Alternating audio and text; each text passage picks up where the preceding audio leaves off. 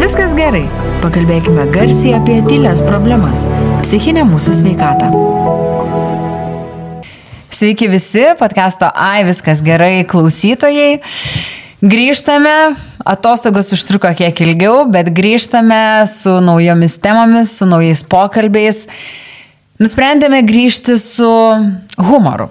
Nes visiems mums yra labai smagu, kai mes, mus pasitinka su šypsena, kai mes šypsomės, mes jaučiamės tokie labai pozityvūs ir labai dažnai girdime kalbas apie juoko svarbą ir humoro svarbą e, tiek emociniai, tiek net ir fiziniai mūsų sveikatai. Tai ir kyla klausimai tada, kaip e, išlaikyti tą humorą, kada mes, pavyzdžiui, jaučiamės galbūt pažeidžiami, kada žemės lysta iš pakojų, kaip išmokti į tam tikras e, sudėtingesnės situacijas pažvelgti iš kitos pusės, iš tos humoro pusės. Ir e, šalia mane, žinoma, yra neringa. Sveiki visi. Ir turime mūsų, ai viskas gerai, nežinau, turbūt galėčiau sakyti, auksinį draugą, mūsų mylimą Eugenijų Laurinaitį. Tai sveiki, Eugenijų jau. Labą dieną. Tai ir pradėkime turbūt nuo to e, pagrindinio klausimo, tai ka, koks yra humoro vaidmuo psichologijoje? Pradėti reiktų gana nuo toli. Mhm. Todėl, kad iš tikrųjų noras pasilinksminti, e, pajokauti, e, kažkaip tai kitam pralinksminti, pagerinti nuotaiką yra būdingas ne tik žmonėms. Ir labai įdomus tyrimai yra padaryti su žmogbeždžionėmis. Ir pasirodo, kad jų tarpe jos be abejo kalbos, kaip mūsų kalba neturi, mhm. bet jos turi kitokias procedūras. Ir vienas iš tokių procedūrų yra švelnus kasimas arba tų druskos kristalėlių rinkimas iš kailio, kada tas, kuriam tai daroma, atsipalaiduoja ir iš tikrųjų pradeda šipsotis. Ir labai įdomus be abejonės įvyko pokytis, kada šito glostimo, kutenimo, kažkokio tai reiškia kūniško dirginimo pasidarė nebeįmanoma duoti visiems savo genties nariams, todėl kad jų pasidarė per daug. Jų iš tikrųjų gyvūnų grupėje 10-12, mūsų gentis, žmonių hominidų gentis buvo virš 30 kaip taisyklė Ir antras dalykas, kuris atsitiko, mes pradėjom naudoti kalbą. Ir tada iš kūniško humoro arba linksminimo procesą mes perėjom į žodinį humorą arba linksminimo procesą. Ir tai buvo tikrai perversmas. Reikėjo surasti, kas daro žmogų linksmesnį tau šnekant. Mhm. Ir be jokios abejonės tai yra labai sudėtingas reiškinys dėl kelių priežasčių. Pirmas dalykas - humoras yra aukščiausias mūsų psichikos veikimo lygis. Todėl, kad tai yra mokėjimas asocijuoti. Išgirsti ne tai, kas pasakyta, o tai, kas slepiasi po žodžiais ir tiesiogiai neišreikšta. Mhm. Ir todėl šito humoro jausmo turim kiekvienas nevienodai. Ir iš tikrųjų turbūt ir jums, klausytojai, ir jums, mano mielas vedėjas, teko sutikti žmonių, su kuriais pajokaujat ir pasijuntat kaip veidų į sieną. Aha. Kad visiškai nesuprato ir pradeda aiškintis arba aiškinti jums, kad jūs neteisingai supratot. Viskas. Jūs suprantat, kad su to žmogum nepajokausi. Ir pradedat kažkaip ieškoti kitokių komunikacijos kanalų. Bet humoras yra absoliučiai būtinas visų mūsų gyvenime tam, kad mes galėtumėm savo palengvinti būtent sudėtingų situacijų išgyvenimą. Kada tai, su kuo aš susiduriu, iš tikrųjų ne visiškai telpa į mano kasdienybės rėmus. Aš negaliu pritaikyti savo įprastinių prisitaikymų būdų. Ir tada reikia kažkaip išeiti iš tos situacijos be didelių nuostolių, be didelių psichologinių krizių. Ir humoras čia nais yra pagrindinis gelbėjimos ratas. Na, pavyzdžiui, kad ir toks na, medicininis juokelis. Aplanko chirurgas pacientą po operacijos, apžiūri, sako, viskas gerai. Ir sako, tvarkoju, aš jums naktį atsiųsiu seselę. Oi, sako, daktarė, nesiūskite, aš dar labai silpnas. Nieko? Taip. Nieko blogo, tiesa? Taip. Taigi kalbama apie ką? Kad humoras yra apie prikūrimą turinio, prikūrimą kažkokio siužeto, e, kažkokios tai reiškia e, ne, neišsakytos, bet e, asociacijos, kuri linksmina. Bet e, jūs čia pasakėte tokias kaip ir dvi funkcijas. Pirmoji, kur kalbėjot, kur be žodžių tas humoras, tai yra, aš suprantu, kad tas mūsų poreikis pajusti malonumą kažkoks pateik, patenkinamas. Nu, iki šiol mes turim o... tokius dalykus kaip kutenimas, kaip pakasimas. Taigi vis vien jaučiat, kad tai yra tokie veiksmai, kurie pralinksmina ir atpalaiduoja mane. Tai čia, nu, fiziologiškai. Fiziologiškai. Nervus atpalaiduoja, o kita funkcija - ištemti, kai būna sunku, iš, kad psichika ne, ne, neišneštų kur nors. Tai čia ta kita funkcija humoro. Čia tikrai kita ir jinai būdinga būtent žmonėms dėl to, kad mes bendraujam kalbą ir toj kalboj yra labai daug tiesioginio turinio, bet yra ir netiesioginis asociatyvusis turinys ir būtent per asociacijas tas humoras mus ir veikia. O asociacijos, kaip suprantam, ne visų vienodos ir ne visi vienodai buvo ugdyti savo ankstyviausiai vaikystėje savo šeimose, kiek galima juokauti ir kiek negalima, kur tas tinka, o kur tai nepriimtina. Mes turim labai skirtingą pagrindą, mhm. ant kurio to humoro asociacijos gali atsirasti arba neatsirasti. Bet iš principo mes tai atsinešam tą humoro jausmą. Na, galbūt jisai kažkiek yra formuojamas, kaip jūs sakot, ten tarkim, aplinkoje, tėvai ar kažkas, kur tau sako, kad ten galima juoktis ar negalima.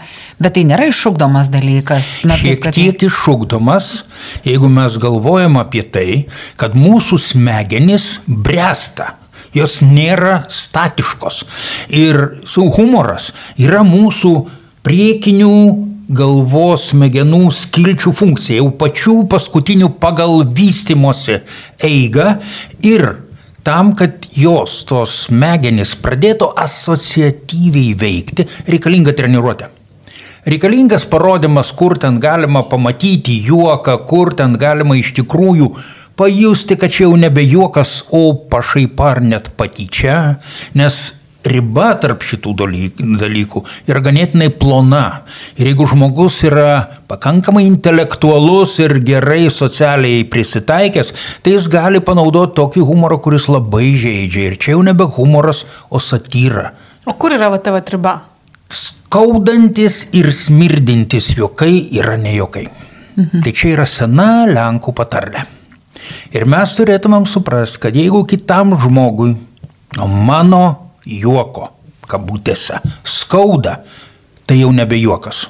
Bet iš tikrųjų tai dažnai būna tas, kur, nu tai taigi čia pajuokavau. Mm. Be abejo būna nu, dažnai. Tačiau reaguojam ir ne, nemoki humoro. Žmogus, jo, jo, jo, žmogus bando ne tik pasiteisinti, bet dar ir apkaltinti mane, kad aš nesuprantu humoro.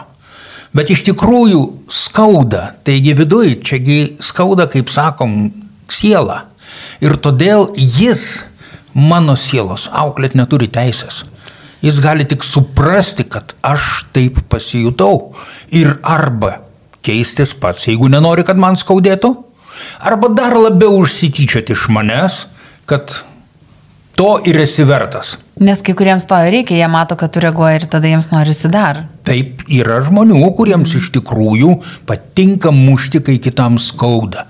Bet tai čia jau yra tikrai labai liūdna charakterio savybė ir tokių žmonių reikėtų tiesiog saugotis. Ir į jų taip vadinamą humorą kabutėse nereikėtų reaguoti apskritai, jeigu galim. Mhm. Tai yra leisti savo suvokti, kad tai yra to žmogaus bėdos, kurias, kurias jis išreiškia per jų numetimą ant kitų. Mhm. Per patyčią. Juk nebereikalų ir smėlio dėžiai vaikai sako, kas ant kito sako, pats ant savęs pasisako.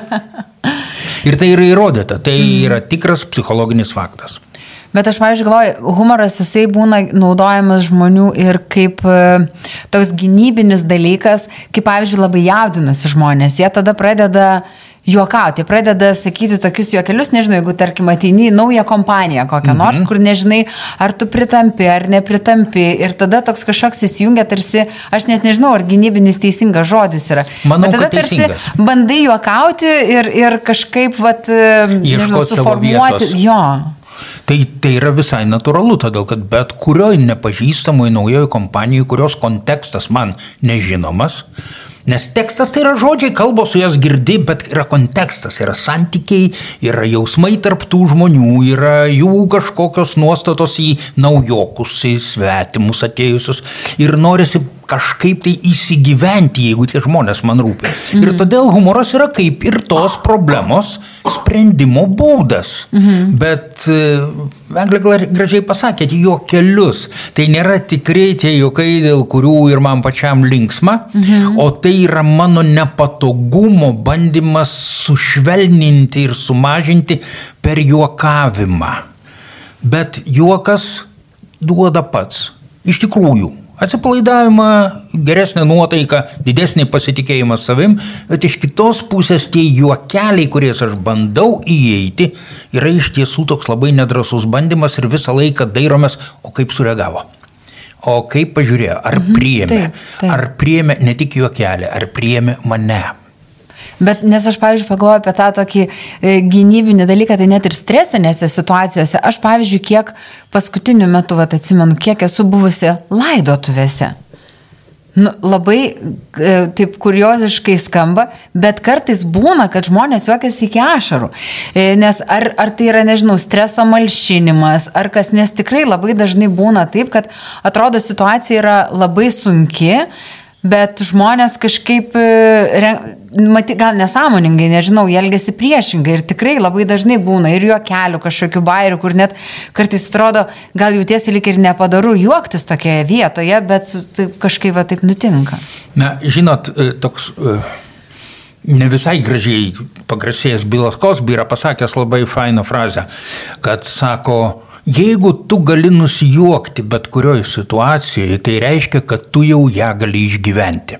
Mhm. Ir aš galvoju, kad tiek laidotuvėse, tiek kitose kažkokiose tragiškose situacijose šitas mokėjimas truputį pasijuokti yra paskutinė išeitis. Tai yra paskutiniai varteliai iš tos labai sunkios situacijos. Ir žmonės jų imasi, jie atidarinėja tuos vartelius. Bet man taip pat labai patiko e, tokio rašytojo Aleno frazė apie tai, kas tai yra humoro veikimas.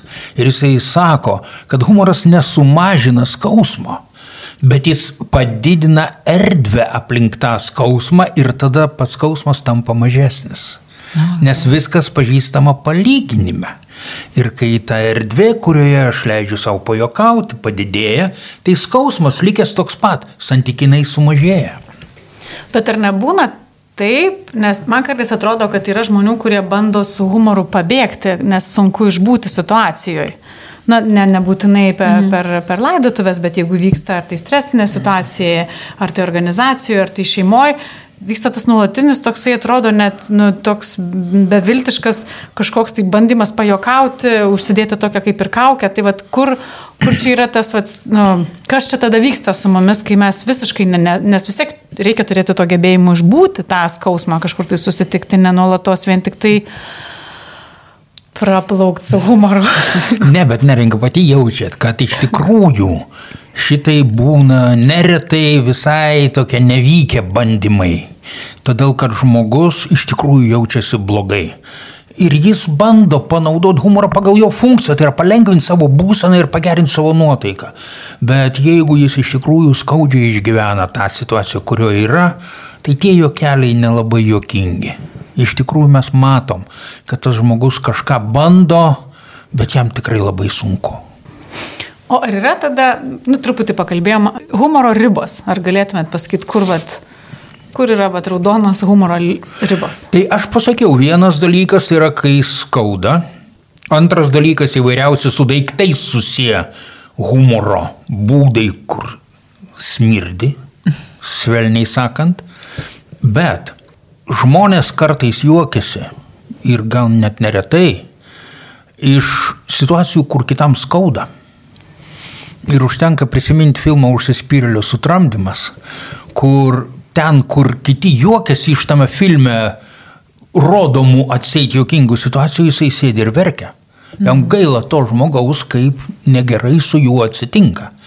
Ir tai yra, sakyčiau, tokia vaikiška, natūrali reakcija. Ir iš tikrųjų juoktis iš to, kai kitam skauda, yra nebe humoras. Jau čia yra patyčia. Ir tai yra tam tikros raudonos linijos, kuriomis mes turėtumėm naudotis, suprasdami, kad humoras yra tam, kad visiems pasidarytų geriau, o ne tam, kad man pasidarytų geriau kito sąskaita. Man vienas humoristas yra pasakęs ir bet, nu, panašią taisyklę, kad juoktis galima tik tai iš savęs. Nega, negalima viešumoje juoktis iš kitų. Ir tai va, tai yra ta raudona linija, kuri, kuri taikoma. Tai taip, va čia yra skirtumas tarp humoro ir patyčios. Kada žmogų žaidi, juokdamasis iš jo. Kada su juo juokiesi iš situacijos, kuriame, kurioje esame abu, yra visai kas kita. Mhm. Bet tai čia yra tada ta savironija tokia irgi savotiška, ar ne? Prie to, prie to humoro ir to pasijokimo iš savęs. Tikrai yra, jeigu aš moku ją pats pakelti. Mhm. Jeigu aš moku pasijuokti iš savęs. O kiek tai yra svarbu mokėti? Labai svarbu. Labai svarbu. Kodėl? Todėl, kad tai man pačiam padeda išgyventi situacijas, kuriuose aš patyrėjau kažkokią nesėkmę, kur man kažkaip tai neišėjo tas, ko aš norėjau. Ir aš moku pasijuokti iš to. Ir tada man tikrai darosi lengviau. O pas mus žmonės dabar, čia jūs vis tiek taip kažkokį vaizdą bendrą turit, moka juoktis, jie moka naudoti humorą vat, teisingai ir tą, tą, tą savironiją naudotis. Kaip kas? Kaip kas? Kodėl? Todėl, kad mūsų šiais laikais labai daug pastangų yra dedama išmokyti vaikus siekti sėkmės. Mhm. Ir tos sėkmės siekis kartais yra ugdomas jiems bet kokią kainą pasiekti sėkmę. Ir tada ateina idėja, kad užlipti aukščiau galima kitų galvomis. Ir tuomet jau tas netgi turimas humoro jausmas iš tikrųjų naudojamas tam, kad kitus pažeminčiau, o pats lipčiau viršų. Mhm. Ir šitas pastovus varžybų elementas, noro būti geriausių ūkdymas, veda prie to, kad tas humoras gali tapti labai skaudus kitiems, labai aštrus ginklas. Ypač jeigu jis tikrai geras humoras, tai yra juokas tikrai juokingas, bet skaudus kitam tai tai yra neretai tam tikrų varžybų elementas. Siekiant karjeros, siekiant populiarumo, siekiant tiesiog aplinkinių garbinimo. Ir noriu pasakyti, kad mūsų visa kultūra apskritai yra nukrypusi į tokį narcizinį e, tos kultūros ugdymą. Tai yra geras, vertingas yra tas, kuris yra geriausias. Mhm. O visi likusieji yra niekas. Ir užmirštami paprasti, paprasti dalykai, kad iš tikrųjų, pavyzdžiui, turtingas ne tas, kuris turi, o tas, kuriam užtenka. Ir tame iš tikrųjų irgi yra ir humoro gidalelė. Bet pasirodo, kad labai daugeliu žmonių žodis užtenka yra vos nepažeminimas. Mhm. Jie nesupranta, kur jų pačių saiko ribos. Ir va to saiko ūkdymas mūsų kultūroje dabar visiškai užmirštas. O galima humorą išsiugdyti? Šiek tiek galima, kaip sakiau, bet tai priklauso nuo to pagrindo, kurį kiekvienas mūsų gavom savo šeimoje. Na, nu, bet jeigu aš nusprendžiu, man yra, nežinau, 30-40 metų ir vat, norėčiau būti linksmesnė arba linksmesnis. Ar galima čia kažkaip pats savo? Čia gal psichologija kažkokie yra dalykai. Aš galvoju, kad yra keli aspektai. Pirmas dalykas tai iš tikrųjų pabandyti suvokti, kodėl aš nelinksmas. Nes bet kuriai mūsų psichiniai būsenai yra priežastis, yra kažkas tai dėl ko aš esu toks, koks esu. Ir tai būtų jau ne humoro ūkdymas, tai būtų iš tikrųjų savęs tyrinėjimas, tai būtų uh, refleksija, mokėjimas pažiūrėti save iš šono, ką aš darau savo gyvenime, dėl ko aš esu nelinksmas, man liūdna. Tai būtų viena dalis. Antra dalis - formaliai išmokti humoro taisyklių galima. Humoras yra tyrinėjimas labai plačiai, yra leidžiamas jau daugiau nei 20 metų Europos humoro žurnalas. Ir ten iš tikrųjų yra daugybė straipsnių, aš pažiūrėjau, visai įdomių, taip įdomu ir pasiskaityti kartais. Bet idėja yra ta, kad išmokus formalaus humoro konstravimo taisyklių, nuo to linksmiau man nepasidaro. Nu taip, čia, čia yra tik teorija. Tikrai, matot, neužmirškim, šita teorija yra iš praktikos. Tai yra tyrinėjami realūs humoro apraiškos, reiškia, pavydalai ir žiūrima pagal ką jie yra sukonstruoti. Yra kelios schemos, tai nėra sudėtinga. Mhm. Bet esmė vis vien yra teksto ir konteksto santykis ir tai, kiek yra pasakoma tuo, kas nepasakoma. Bet kai kalbėjote apie savironiją, e, nega- neprisimenu dabar ties kelintais metais, bet yra, kad vaikai tik tai, kai susiformuoja tam tikros smegenų dalis, tik tai geba tai atlikti. Nu, Tikrai taip. jau gali, o vat prieš tai... aš Tikrai tai pastebiu taip. Savo, ant savo vaikų irgi, kas jau sugeba savironiją užsimti, o kas dar... Nuo ko priklauso gebėjimas užsimti savironę, tai yra nuo savivertės. Jeigu aš ją turiu pakankamai jau tvirtą, o paauglystėje jinai jau pradeda formuotis. Negaliu sakyti, kad galutinai, bet pakankamai jau aiški man pačiam. Ant ko aš stoviu, kur aš geras, kuo aš esu geresnis už kitus. Ir tada atsiranda mokėjimas pasijuokti iš to, kur aš nesu geresnis už kitus, nebijant, kad aš subirėsiu, nebijant, kad aš visas būsiu nevertas dėmesio arba draugų ir taip toliau. Tai tikrai ateina su paauglystė. Ir aš galvoju, kad čia vėl labai svarbi yra šeimos pozicija, mokėjimas tėvų pasijuokti iš savęs, vyresnių brolių seserų mokėjimas pasijuokti iš savęs labai moko, kad tai nežlugdo, kad tai nesuardo mano asmenybės. Nu, taip, gebėjimas priimti save, pasijuokti, nežinau, nu, iš, nu, iš bet ko, iš figūros, iš kažko netobulumo ieškoti, kur dabar turbūt daugiau šita problema yra. Tikrai taip. Vaikas žiūri į save ir galvoja, kur aš čia esu dar netobulas, o priimti tą savo netobulumą ir iš to pasijuokti. Mano tėtis visą laiką sakydavo, kad kaip, kai išmoksi e, savo trūkumus paversti privalumais, tai tada gyventi bus iš karto lengviau. Ir kai tu išmoksti iš tų savo trūkumų pasijuokti, tai irgi turbūt daug paprasčiau priimi tą gyvenimą. Tikrai taip, tikrai taip, be jokios abejonės. Ok, o e, yra žmonės, kurie bijo juoktis, galbūt jie galėtų, bet jie bijo, nes irgi čia turbūt dėl aplinkos formavimo kažkokio tai dalyko, jie bijo pasirodyti nerūpestingais galbūt tokiais. Ir yra žmonės, kurie nori juoktis, bet negali ir juokiasi per sukastus dantis. Tai pavyzdžiui, tuos žmonės, kurie nu, maždaug labai man blogai, bet aš čia pabandysiu kažkaip pasijuokti, ar jiems reikia va taip lipti per save ir e, nesakysiu kovoti su savim, nes kovoti su savim negalima, jau žinau, bet ar reikia kažkaip save vis tiek spausti ir išspaudinėti tą humorą? Na, žinote, Egle, jūs man priminėt vieną humoro apraišką, kuri yra įamžinta Vilniuje skulptūroje. Nueikit prieš dramos teatrą ir pažiūrėkite į tas tris statulas virš įėjimo. Ir ten yra drama, tragedija ir komedija. Ir drama ir tragedija yra su vos, vos lūpų kampučiais nužymėtomis emocinėmis būsenomis. O komedija juokiasi pro sukastus Taip. dantis. Kodėl? Aš gerai pažinojau Stasį Kuzmą, kuris darė tas skulptūras ir sakau, Stasy, kas čia dabar, kodėl taip yra? Jis sako, nu ką, jin irgi buvo su vos lūpų kampučiais besisypšančių veidų, bet mane iškvietė į centro komitetą pas kultūros sekretorių. Liongina Šepetį, jis parodė nuotraukas ir sako, kokia čia komedija. Jis nesijuokia. Nu tada aš ir padariau, kad juoktųsi. Bet per sukastus Tai yra dantis. specialiai prosukastus dantis. Ir aš turiu pasakyti, kad pasaulyje yra pakankamai daug įvairių pavyzdžių, kur būtent skulptoriai rodydavo humoristinius dalykus per savo skulptūras, kur niekaip neprisikabinsi. Atrodo viskas tvarkoj, bet neprisikabinsi.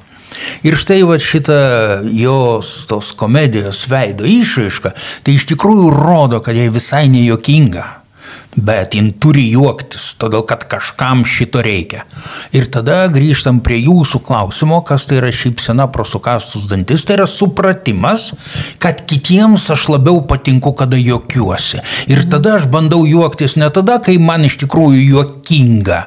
O tada, kai aš noriu patikti kitiems. Mhm. Ir bet kokią kainą. Ir be jokios abejonės šitai labai gerai matosi. Mes esam nepaprastai jautrus veido išaiškoms. Mes matom veidę visus niuansus.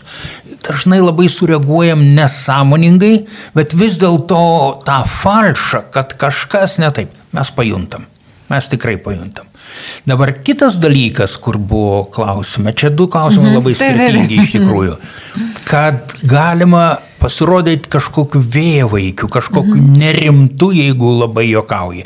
Tai čia jau reikia galvoti apie santyki, kas mane vertina, kas aš esu, kaip iš tikrųjų tam kontekste, kur aš bandau jokauti. Tas humoras priimamas, gali būti labai įvairiai.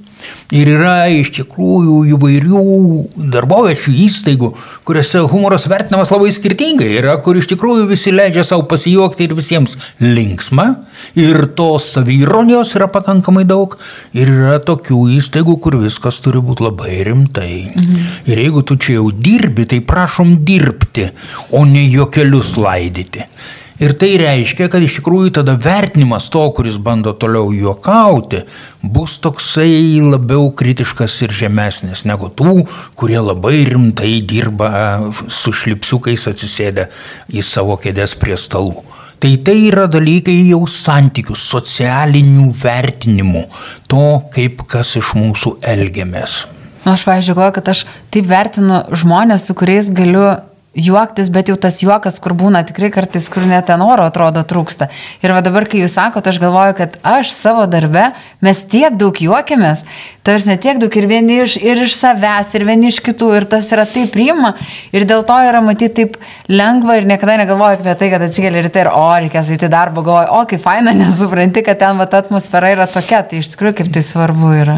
Bet man tai dar priminė ir, nu, va, mano profesinė su kalbų rašymu, kad būna, kad žmonės sako, bet tai kaip aš čia dabar pajokausiu, čia tokia rimta proga, kad nu, tas humoro uh, pateisinimas irgi labai skiriasi nuo... Bet tai yra humoro funkcijos nesupratimas, Taip. nes iš tikrųjų juk jis Taip. ir skirtas tam, kad kažkokie sunkus, sudėtingi dalykai turėtų pertrauką. Aš per savo darbo universitete su studentais, o dėščiau virš 40 metų. Iš tikrųjų visada per paskaitą papasakodavau kelis anegdotus, kad studentai šiek tiek atsipalaiduotų. Mm. Nes neįmanoma mūsų paskaitų metu išlaikyti dėmesį visą laiką. Žmogus suaugęs gali išlaikyti dėmesį 45 minutės maksimum, o paskaitos trunka pusantros valandos. Mhm. Taigi viešpatė tai yra kankinė. Ir tą kankinę reikia šiek tiek palengvinti. Na tai man Atskiesti. būdavo labai įdomu, kad paskui po daugelio metų susitikdavo jau tos daktarus dirbančios ir sako, aš lygi šiol prisimenu šitą jūsų anegdotą. tai yra iš paskaitų išlikdavo humoras. O kaip yra, e, kai pavyzdžiui vienoje organizacijoje yra žmonės, nu, pavyzdžiui, žmogus, kuris, na, vadinamas hihihaha ir kitas, kuris labai labai rimtas reikia labai rimtai išjausti visus, visas e, darbinės situacijas. Kaip tokiem dviem žmonėms sutarti, kaip padėti vienas kitą labiau suprasti? Nes nėra žmogus, kuris e, juokiasi, kad jisai tos situacijos rimtumo nesupranta. Aišku, kad supranta, bet Bet tai vėl grįžtam prie to, kaip vienas kitą vertina. Mhm. Arba kiekvienas suvokia, kad tai, ką tas žmogus turi, yra jo stiprybė. Ir galbūt jin yra tokia, kurios aš neturiu. Bet jeigu mūsų sudėt du, tai mes esam dvigubai stipresni. O jeigu mūsų priešindu, tai mes esam dvigubai silpnesni. Ir mokėjimas bendradarbiauti, pasinaudojant kiekvieno iš mūsų turimom stipriosiom pusėm, yra sėkmės laidas. Taip, nes tas, kuris ne, nenaudoja tiek humoro, kiek kitas, jisgi nėra prastesnis dėl to, jis turi kitų savybių, kurios... Taip. O aš dar vat, labai norėjau paklausti Ukrainos, vis tik temą noriu labai paliesti, nes humoro tema labai kažkaip man galvoj sukosi nuo tada, kai prasidėjo visas karas, kad ir kaip paradoksaliai tai skambėtų, bet visą laiką stebint e, ukrainiečių karius, pavyzdžiui, tie visos, na, visose socialiniuose tinkluose tikrai labai daug e, savęs jie rodo, labai dažnai matome juos dainuojančius, šokančius, besišypsančius, bairius mėtančius visokius ir taip toliau. E, kiek va šitoj situacijai tas humoras yra svarbus ir kodėl? Na, žinot, man kilo tokia galbūt ne visai juokinga mintis, bet galvoju, kad numirs su šypsena veidė yra žymiai lengviau negu su skausmu išraiška. Ir aš galvoju, kad netgi toj absoliučiai kritinėje jau būsenoje, kuri yra fronto linijoje, vis dėlto mokėti juokauti yra nepaprastai svarbus dalykas. Aš manau, kad tai juos palaiko. Ir užtenka prisiminti ant tų didžiulių stendų prie Odesos miesto pakabintus plakatus su odesietišku humoru. Nu, tai yra tiesiog fantastika, kaip jie moka iš tikrųjų pasijuokti iš tragiškų dalykų.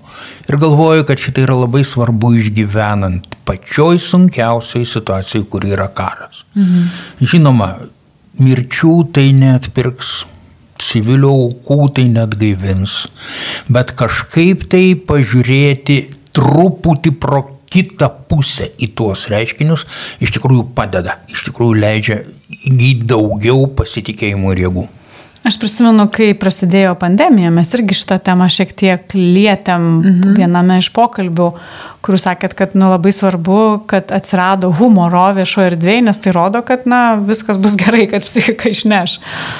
Tikrai taip, tikrai taip. Mūsų reakcija krizinėse situacijose yra pagrindinis rodiklis, kiek mes turim vidinių resursų. Ir jeigu yra humoro, galiausiai bus gerai. o kaip yra su e, humoru kaip, nežinau, galbūt kaip kaukė, vad kur jūs minėjote, kad aš šypsausi dėl to, kad kitiems reikia, kad aš šypsočiausi ir juokčiausi. Ir aš pagalvojau, kad e, tikrai paėmus e, visai nemažai yra va, tų atvejų, didžiųjų pasaulio humoristų ir mes Lietuvoje lygiai taip pat turėjom tuo atveju, kada žmonės, jie yra humoristai, jie yra tie, kurie turi fantastišką humoro jausmą, kurie tobulai transliuoja visą tai, kurie žmonės verčia juoktis iki ašarų ir panašiai, bet iš tikrųjų jie yra labai labai nelaimingi žmonės ir kai jie nustoja juokinti ir uždaro duris, Tai jie dažnai nu, yra ne vienas atvejis, kai ir tą savo gyvenimą finale nutraukia, nes jiems yra labai sunku. Žinote, aš galvoju, kad būti profesionaliu humoristu yra baisingas darbas. Aš prisimenu lygi šiol straipsnį, ne straipsnį tokį esę E, Marko Tveno, kai jisai tapo jau reguliariu straipsnių autoriumi su jokingu turiniu ir galų gale pradėjo vos nemedžioti savo vaikų jokeliu, savo, reiškia, šeimoje atsirandančias jokingas situacijas, jis pasidarė monstras, jo pradėjo bijoti namuose. Kodėl? Todėl, kad tai tampa nebe intuityvę veiklą, kurioje tikrai man pačiam malonu, bet darbu, kuriame reikia būtinai pagaminti humorą. Ir galvoju, kad tai yra visiškai neleistinas dalykas su savim pačiu netgi. Kodėl? Todėl, kad iš tikrųjų humoras yra pasąmonės funkcija. Aš humoro negaliu padaryti specialiai. Mhm. Jis turi man jie gimti. Ir jeigu jisai negimė, jį kažkaip tai reiškia išprodukuoti, yra tiek klaikiai sunkus darbas, kad žmogus tiesiog pasijunta visiškai išsekęs. Aš žinau tas liūdnas istorijas apie humoristų savižudybės ir aš galvoju, kad tai yra eilinis rodiklis, kad humoro vaidinti negalima. Humoras gali atsirasti ir e, man teko matyti kai kurių amerikiečių šitų, reiškia, interviuerių, kurie tokius truputį humoristinius, truputį rimtus interviu daro jų elgesį vis dėlto humoras išlenda pakankamai natūraliai. Jie nesistengia būtinai juokinti auditorijos. Mhm. Jis karts nuo karto suošia, iš tikrųjų yra juokinga, bet jie nesistengia.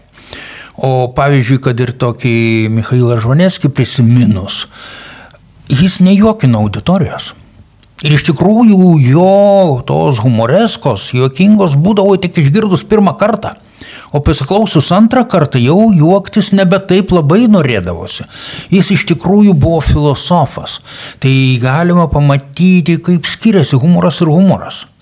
Kur tas juokas yra tik tai paviršinė reakcija ir paskui pamatai gilesnį turinį, o kur tai yra specialiai daromas juokas ir Na, su mūsų lietuviškais humoristais viešoje erdvėje man kažkaip nelabai sekasi, aš taip nelabai tuo lietuvišku humoru žaviuosi iš tikrųjų labiausiai kūrybinga ir įdomiausia humoristė, mano nuomonė, buvo Vytautė Žilinskaitė, bet jos dabar niekas nebežino, niekas jos knygų neskaito, o ten buvo humoras filosofinis nepaprastai. Na, nu, žiūrėkit, gal dabar paklausys žmonės ir nuspręs paskaityti.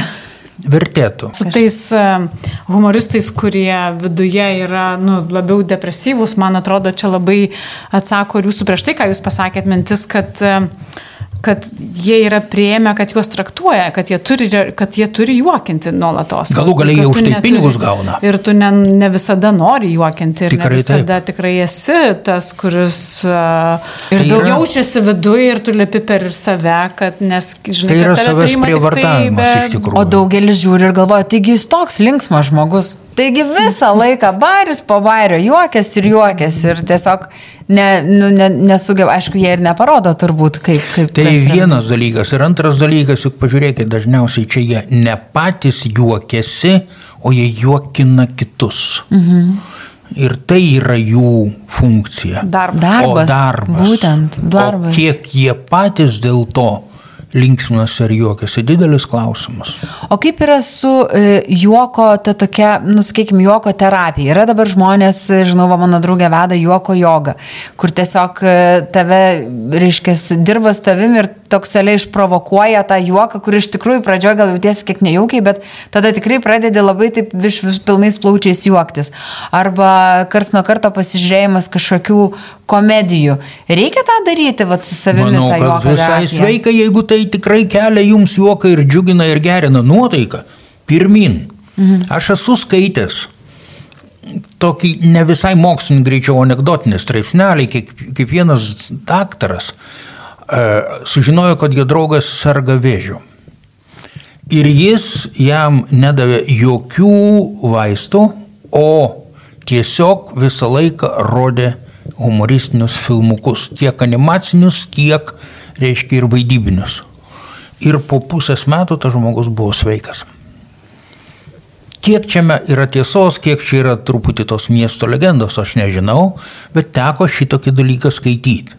Taigi humoras tikrai turi didelę reikšmę ir mūsų kūnui. Tai jo va, va, tai fiziniai sveikatai irgi tikrai taip, yra įtaka. Tikrai taip, todėl kad jis iškrauna įtampą, kuri susikaupia stresinėse situacijose. Kaip masažas geras. Taip. O stresas visas kaupiamas e, dažnai ir būna priežastis įvairiausių negalavimų. Tikrai taip. Mes turim krūvą streso lygų. Mhm. Ir iš tikrųjų tai yra ne paties streso. Nes stresas pagal apibrėžimą yra mobilizacija sutiktai kliūčiai įveikti. Nesvarbu, ar tai fizinė, ar cheminė, ar biologinė, ar psichologinė kliūtis, bet tai mobilizacija. Ogi mūsų situacijoje, mūsų civilizacijai dabar negalima to daryti. Taigi negali pabėgti iš direktoriaus kabineto, kai tau kilo stresas, todėl kad tau visai nepatinka tai, ką jisai sako. Turi stovėti ir klausyti. Ir daugybė panašių situacijų yra, kur mes iš tikrųjų nedarom to, kam gamta stresą sukūrė. O gamta stresą sukūrė fiziniai iškrovai. Kovot arba bėgti. O mes to nedarom, nes socialinėme mūsų gyvenime negalima. Nu, ir ne visada reikia bėgti, ir ne visada reikia kovoti. Ne, bet tai dėl to tada ir labai gerai, tada ir reikia tos juoko terapijos, kad tą stresą varyti lauk, arba turėti draugus tokius, su kuriais gali skaniai pasijuokti Tikrai ir visą tą stresą nuleisti lauk. Taip pat ir sakėt, penkias su pusę valandos laidos, bet iš tikrųjų po tokių juoko terapijos pertraukėlių visai nėra nuovargio. Ne, visiškai. Ja. O kaip dabar žiūrint į viešą erdvę jums atrodo, nes jūs nu vieną pasakėt, kad nu tų humoristų nelabai matot, bet kaip svarbu tada yra visuomenės lyderiams, nebūtinai nebūtinai sakau politikams, bet lyderiams, kars nuo karto pajuokinti žmonės, o turi pasinaudoti to humoru kaip įtampos nuleidimo, streso nuleidimo. Ir kiek jūs to matot ir ką tai apie mus pasako, nes aš tai nedaug matau. Aš turiu irgi prisipažinti, kad matau labai nedaug. E, aš greičiau ir matau ir girdžiu, ypač kartais Seimo diskusijose, tokią ironiją ir sarkazmą, mhm, va. bandymą labiau įkasti, negu kartu pasijuokti ir atsipalaiduoti. O galvoju, kad humoras būtų labai sveika visų pirma dėl to, kad jis parodo reiškinius iš kitos pusės. Ir žmonėms gali būti lengviau pamačius iš įvairių pusių. Bet yra daugybė žmonių, kurie nesupras šito ir jiems tai nepadės priimti situacijos kažkaip lengviau. Taip kad mes lietuviai nelabai turime va tą humoro socialinę funkciją. O kodėl? Aš nežinau. Aš galvoju, kad mūsų tautos gyvenimas apskritai kokius penkis šimtmečius vyko pastovaus karo sąlygomis. Tai vieni tai giteidavo per mūsų galvas, tai mes patys bandydavom kažkaip prisitaikyti ir iš tikrųjų tas prakeiktas nuolankumas atvedė prie to, kad geriau nesijuokti, nes iškrisi iš konteksto, tave pastebės ir būsi pirmas, kuris gaus per galvą. Tada belieka tik tai pasidžiaugti, kad e, vis tiek yra tų žmonių, kurie moka pasijuokti. Tikrai reikia Mes, pavyzdžiui, esam čia trys ir mes visi trys tikrai mokam iš savęs pasijuokti ir tai yra jau labai gerai. Aš galvoju, kad ir kitiems reikėtų po truputį mokytis ir galvoju, kad tas kelias, Eglė, apie kurį pasakėt, pradėti nuo savęs, tai yra pasimokyti autoironijos. Mhm. O jau paskui, kai pats pradedu pagauti, kokiem netgi mano savironijos juokeliai man lengvina gyvenimą, o kiek galbūt mane pati truputį skaudina, tada aš galiu pabandyti ir su kitais pajokauti, ir apie situaciją kartu pajokauti. Galima mokytis. Tai gal tą natą ir pabaigsim, pakviesdami visus klausytojus bent vieną kartą pažvengti ir savęs šiandien. Vieną kartą per dieną. Vieną kartą per dieną rasti, kur va iš savęs pasijuokti labai gerai. Ačiū labai, Eugenija. Ačiū. Ačiū, viso gero. Gerai. Pakalbėkime garsiai apie tylės problemas - psichinę mūsų sveikatą.